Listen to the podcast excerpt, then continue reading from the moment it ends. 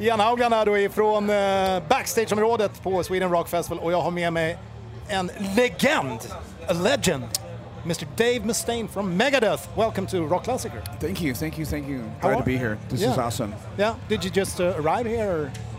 We've been here for a couple hours. We're actually um, tonight is a really special show for us. We're going to do something we've never ever done before. All right. I'm going to tell you before anybody else. We're going to uh, ask Nikki Sixx from Sixx:A.M. Right. to play a song with us tonight. Cool. Now, Motley Crue and Megadeth have had uh, a lot of tension over the years because they're Okay. a glam band and we're a metal band. Yeah. And with Nikki playing at Sixx:A.M., you know, take the music aside, we're friends. Yeah. And David Ellefson, uh, his wife, m- worked for Nikki's management forever. So Really? we had, uh, they had done Anarchy, and we had done Anarchy, uh, Yeah. Sex Pistols Right, song. And I said, hey, you want to do this kind of thing? So he's like, yeah. So we're going to do that tonight. And hopefully it's not going to be a train wreck. It'll be fun. Yeah. But uh, So you you're gonna- know first, your Yeah. listeners, the world, anybody listening to you right now knows that's going to happen. Cool, that's exclusive shit, man. It so is. you're going to bury the hatch tonight here Well, at well, there's no hatchet to bury, but I All guess right. if uh, if you want, I'll bury the hatchet. You got a hatchet? You got a hatchet back there? No, come I'm on. sorry. Your pants are ripped off. Where's your hatchet? Oh man. So is this the first time for you guys here at Sweden Rock Festival? No? no, no, no, no, no, no. You've been here a couple of times? Yeah, yeah, Yeah? We've been here many times. Yeah. Uh, I, the, one of the best times I was ever uh, here at uh, festival, I remember two really s- super uh, specific things. The guy from Styx, uh, Tommy Shaw, Yeah, who I really like. Right. I saw him, and he uh, was wearing these like velvet pants, and I Right. thought, wow, that's kind of. It's kind of weird, velvet pants. And the other thing was sitting down at a table to have dinner with the guys in Saxon, who I just love. Saxon, it's Right. one of my favorite bands ever. So I'm sitting here like this kid, this fan with Biff and the guys from Saxon, and I'm eating my soup and going, "Oh, I love you, wheels of steel." Did you get a chance to talk to them? And yeah, we're really Yeah. clo- close friends now, and Yeah. I make their soup for them. All right, that's good. what's what's their favorite soup? Uh, metal soup, Okay. yes, metal. so so uh, what was Saxon like? The, your inspiration? Well, you got to remember, honestly, have, uh, let- let's go back in history. The first time Metallica ever played with a big band, we did a double concert at the Whiskey in Los Angeles Yeah. with Saxon. Uh, we. It it was one of our most famous shows ever because we hadn't done any big shows out yet, and and and um, it showed at that concert. You know, we would play and I would talk in between the songs, and then we would play and I would talk. It showed that you know we, we weren't really sure who we were at the time. Musically, we were completely sure who we were, but as far as communicating with the crowd, James hadn't developed as a frontman, so I did all the talking. All right. Okay. Yeah, so that was a really cool concert for us. And all the pictures you see backstage of Dave Mustaine and James Hetfield and Lars Ulrich and uh, Ron McGovney from that, Yeah. uh, i- the um, whiskey that night was from that Saxon show. All right. That's So we owe them so much. Oh, yeah? Yeah. I don't know that uh, anybody knows about that, but I know the guys, m- myself and the guys in Metallica know that Saxon gave us our breakout on the strip. That's cool. Yeah, yeah love them. I met uh, Biff a couple of times, and he's a he's a nice guy. He I like is. him. He is. really he like is. him. Cool Yeah. way. Cool, cool hair. Kind of looks like Gandalf. Ah, yeah. The funny thing is, uh, he's got as much hair growing from his ears and nose as he's got from his head. oh, that's terrible. Yeah, That's terrible. not I saw a close-up shot of him, and it was uh, Really? kind of he wanted to, you know, use the scissors. I'll tell him to bro down with the the, uh, the grooming thing. Yeah. So, um, Wait, wait. Let me see. Wait, wait. I have to check the fuzz on my ears and my nose. how, how much am I shaved here? yeah. yeah. All right, man. So- now you're doing it too. Yeah, I know, I know, I know. I, I, I'm Check at the that. nose, you know, I got no balls. fucking no ha- hair on the head. But you, you know, with age, do you have the same problem? It start the hair starts growing from places that you don't want it to grow. My fucking back is like a rainforest, and you know, You know, I look at it like this: if you're happy in life, it doesn't matter what grows where. You just got to have fun and love people. All, all kidding aside, I'm glad that you feel that comfortable. You can rock with me like we're friends. Um, I, I know a lot of my guy friends that you know uh, we're we're all growing old, and we can grow old gracefully, or we can grow old like a piece of shit and be like an old tree. You know, I love the fact that there are young people out there that look at me like they're you know they're, they're godfather for Yeah. thrash and speed metal and stuff like that, and Yeah. they're very respectful to me. They could come up to me and go like, "Well, you know, you're from back in the '80s, and this is, you know, almost 2020 here now, so we're kind of like living in a different world." But it's been very respectful, and I love that. Yeah, yeah. I, I, I have to say, I, it's, it feels. I like getting older. You know, it's, it gives you kind of a, makes you calmer, and you mm. can reflect on stuff, and it's not so mm. fucking. You know, yeah, you yeah. know, you, you can just Stupid people don't easy. get to grow old. Right. Dumb people die. Yeah, yeah, yeah. Dave, I've heard that you got a, a T-shirt said uh, saying uh, Mustaine for president. No, no, no, no, no. That's Fuck, that's not me. That's not. That's the fans do that. All right, stuff. oh, it's, it's a fan, a you know, I got to tell you honestly, what's going on in the United States right now, it's really, really tense, and, and Yeah. I love my country. I'm very upset with our government. I think that it's a bummer when you travel abroad as an American because you see a lot of American people that travel, and they don't they don't know how to travel very well and be guests in other countries. You know, my mom was fresh off the boat, German. We have a Brazilian guitar player right now with Dirk being Belgian. We're a very international band, and, Yeah. and and we know how to travel and be guests and be polite of other cultures and stuff like that. So it's uh, difficult for me a lot of times when we travel and we see other people that are our friends and stuff that that can't can't figure it out, can't travel, can't understand. You know Right. the, the the the time, the pacing, you know, relaxing and enjoying life. For me, when we come over to Europe every time, it's just, it, you know, not to be rude or disrespectful, but it's it, it's so it, it's so orgasmic and and for me in, in a way where it resets my spiritual clock. I get to go back home to my city where I live in Tennessee, which is very slow paced. Mm. It's very much like a European pace where you don't rush. And, and it makes you realize that there's more to life than climbing the ladder. There's more to life than the meter. You Yeah, have right. to stop and smell the roses. And it's made me really respectful of our bandmates and our, our, our music that we're doing, and even more so about the people that we're around. Like Dirk from Soilwork coming in, doesn't know me, I don't know him, Yeah. but he starts playing Megadeth music with me because he loves the spirit of the music, and we needed him. And he came in and he rose to the occasion and he did it. And, and, and that's the thing I love about our, our genre because there's something that connects all of us. We're, Yeah. we're like salt of the earth, no matter whether we're Swedes or we're Yankees or whatever the hell we are. There's something about metal that makes us all connect. Yeah, yeah, yeah. I think that that's one of the reasons why this festival is so. I mean, I mean you never see people fighting here. You know, there's It's no love, no man. problem. It's all love. It Beer is. drinking, and, and, and not a not a hippie, you know, like uh, Woodstock. Let's go have Right. you know kids in the bushes kind of stuff, but like respectful, really decent, you know, rocking and thrashing and metal and stuff like that. Like you know what, we're gonna get in a mosh pit, and if you fall down, I'll pick you up, kind of thing. Yeah, yeah, you know, and, and when we were driving in today, I. It, uh, you know, not to sound stupid or, or like a 12 year old, I was really, really happy uh, when we drove in, just looking at the people, looking at the dynamics, because Sweden doesn't necessarily have all Swedish people at this festival. Because of its notoriety, there's people from all around the world Yeah. that come here.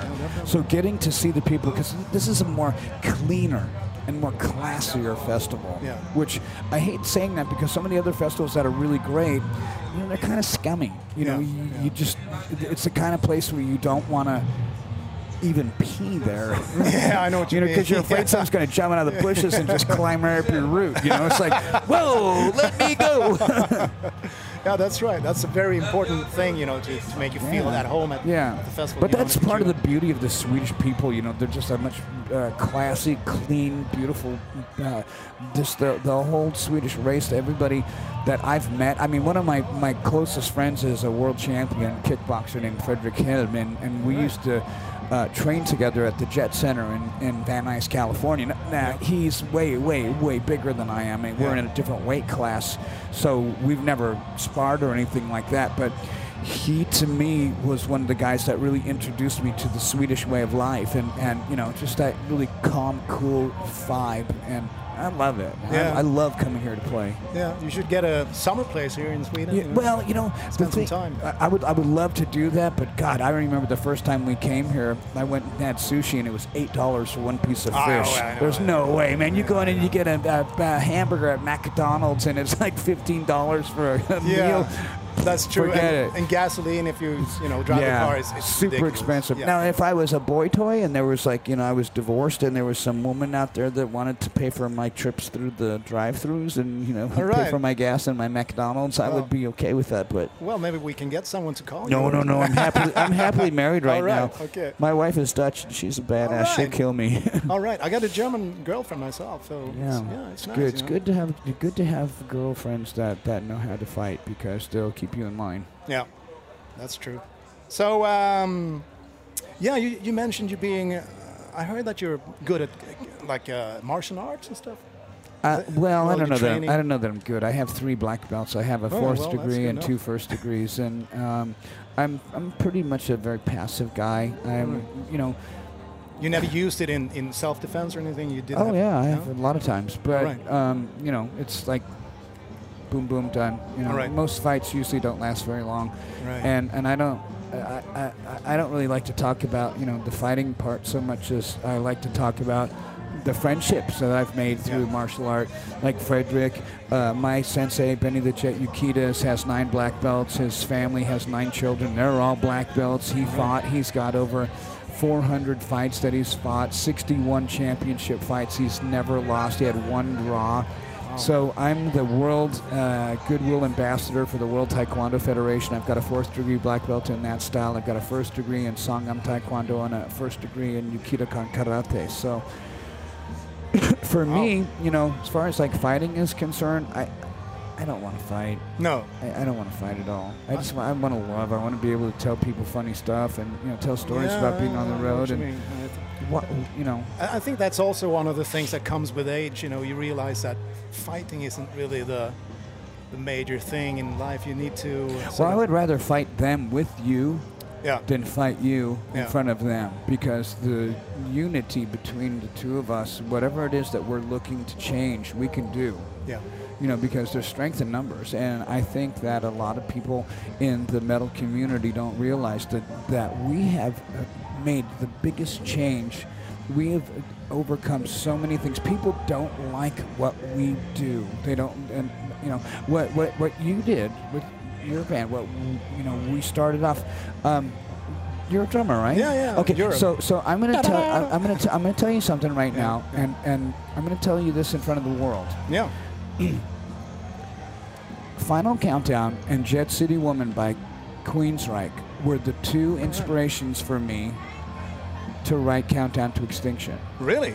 Yes, sir. Wow, I'm honored. Yeah. Thanks, man. Um, Thanks. The you're uh, you're absolutely welcome. The song, the the the hook, and the uh, song with Queensryche, Jet City Woman.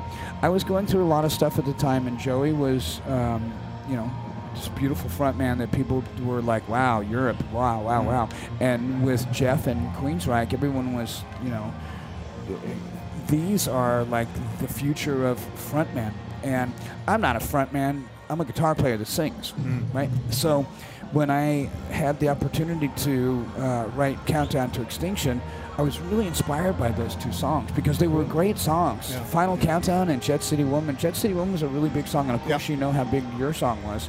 So those are uh, things where you don't even know the effect that you have on other people.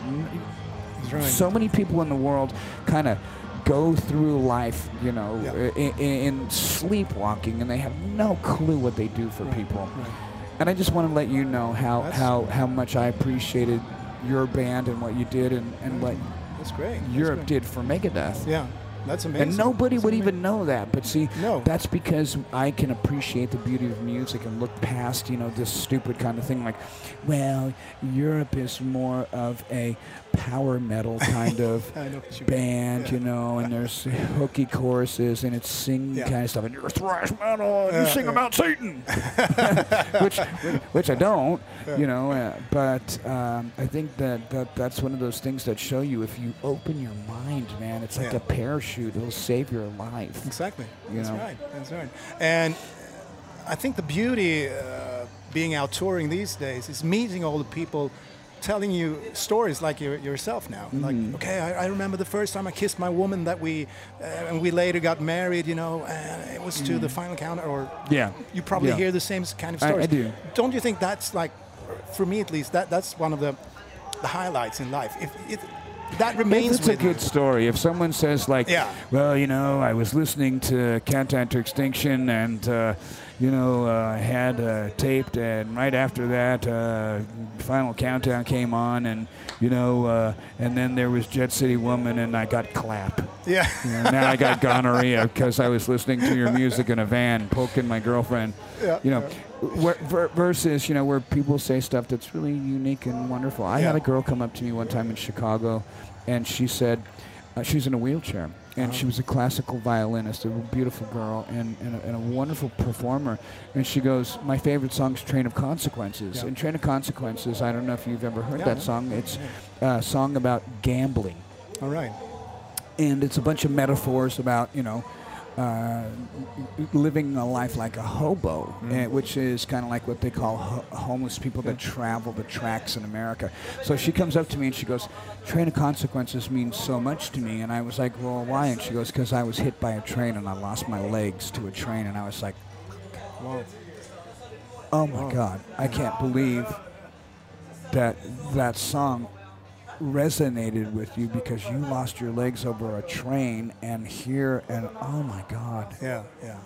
it was really remarkable Right.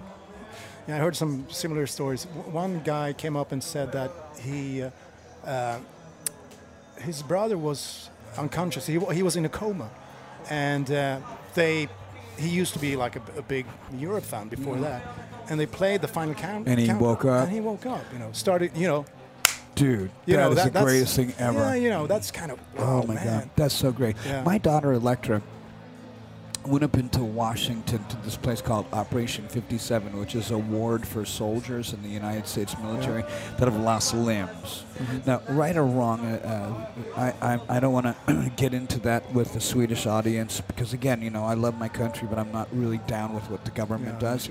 So these young men and women have lost limbs, and Electra went and sang a song that we have from Youthanasia called the Tout le Monde. Mm-hmm. She goes there to go sing for these people. She's in a courtyard, and there's nobody there, but there's open windows. And she's like, "Where are the people?" Mm-hmm. And the nurses go, "Well, they're in their, um, th- they're in their." Uh, rooms Yeah. because they have post-traumatic stress disorder. They've all had IED, you know, these improvised el- explosive devices blow up and hurt them. Yeah. So she goes, okay, so she sings, and there's this one guy that's been blown up six times. Wow. He comes out of his room. Yeah. Never had come out of his room. My daughter broke the spell over this Yeah. guy. That night she played again at this thing called like a mess hall. Mess Yeah. hall kind of thing where they get their food for the soldiers to go mm-hmm. hang out. This dude's there. He hasn't been out of his room for years. Wow. And just That's like you said, the music broke the spell. So Yeah, man, I I, lo- I love that. Hearing Yeah. that you did Yeah, that too. That's so amazing. Yeah, that's amazing. You know, Yeah, the power of music Yeah. is uh, that it can break spells like that. I'm really, really proud that you guys were able to do that too, because you know it's it's it. Certain music does that. Not all music can do that. It has to be something that really is special. yeah, yeah, that's right. I mean, and also hearing all these stories, like music becomes like bricks in a wall. You know, it's it's part of their Their life, you know, and total they- life. Yeah. emotional stories. You know, Yeah. you know, sometimes you break down and cry because Yeah. it's like. Well, imagine if that was your family and you're Yeah. watching your son or your brother or your husband or your, Yeah. you know, whatever it is, Yeah. and all of a sudden he wakes up because he heard a song. Oh. You would go, Jesus Christ! I cannot believe that. Yeah. That, that uh, uh, and and it will change your life. yeah. And people that don't understand music the way you or I do, Mm. because um, to me, music is my life. I imagine with yeah. you, we're a lot similar in that Yeah, area. Absolutely. So when it comes down to being able to be the the the the, the the word is called panacea, the cure, Mhm. the, the cure all, the one thing that heals everybody. Yeah. I just saw something where they showed this woman on the news today uh, that she was a judo wrestler from somewhere here in Europe, and she Uh-huh. woke up out of her coma, out of years out of her coma. I don't know how she woke up, Uh-huh. but to know that somebody is in a trance, so to speak, Mm. they're asleep and they cannot wake up, and that they hear a tune that Yeah. you guys did. Yeah. Yeah. Come on, man, where do I sign up? It's crazy. Yeah, It's, uh, give me that awesome. record. Yeah. Give me that record. That's right. So, are you geared up for the for the show tonight? So much. I mean, even more now talking to you. I feel right. like we've been friends forever. Just Yeah, cool, meeting you right Yeah, now, I it's same, man. great. I'm Yeah. really excited. Yeah. Thank you for talking to me today. Well, Dave, it's been a pleasure having you here. And you know, I you know I've always heard so much about you, and now finally meeting you, and it's probably bad shit because people, you know, But that's that's the thing. Why does media always press on the on the, the bad shit? With I me? mean, well, Eh. well, with anybody basically. I think that people, if they don't get what they want from me, they're going to say bad stuff. I remember when I was in high school, I went up to this one really hot girl. She was so smoking hot, and I went up to her and I figured, who am I? I'm a sweaty, redheaded, freckle-faced kid.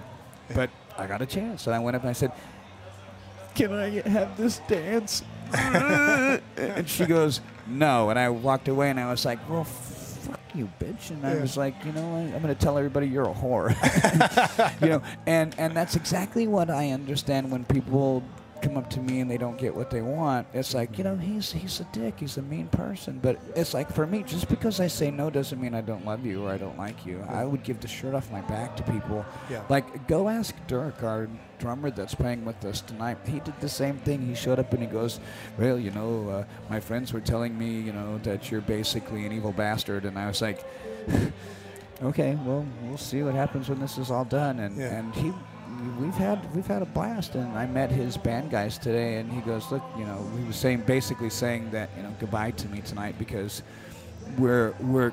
He's going back to his band tonight to go Right. play, and it was mm-hmm. kind of a weird kind of a passing of the torch. And, and I just said, well, you know, I, I hope I didn't ruin your impression of me because so many people they, they want to think certain ways of people, and Yeah. then when they meet you and you're not you're either not that really nice guy or you're not that yeah. Piece of garbage. You know, they're, they're like, oh, wait a minute. Yeah. I, I don't get it. You know, I thought that guy was so awful. Yeah. So- I, I, it's you know people have a per- perception of or, or a pre-perception Mm. of you, and when it doesn't appear to be the right way, then it Yeah. fucks them up. Basically. Well, usually what I do at the end of an interview, I hit people over the head with a beer bottle, and then I Okay. walk away and piss on their stuff. Dave, it's been a pleasure having you here. Thank you. Good luck with a with a with a show, or break Thanks. a leg, or whatever you say. Yeah. Keep rocking, man. I It's will. been a I will. I will. And now you. I know you have plastic bottles, so you don't get. That's right. All right, All buddy. right. Take care.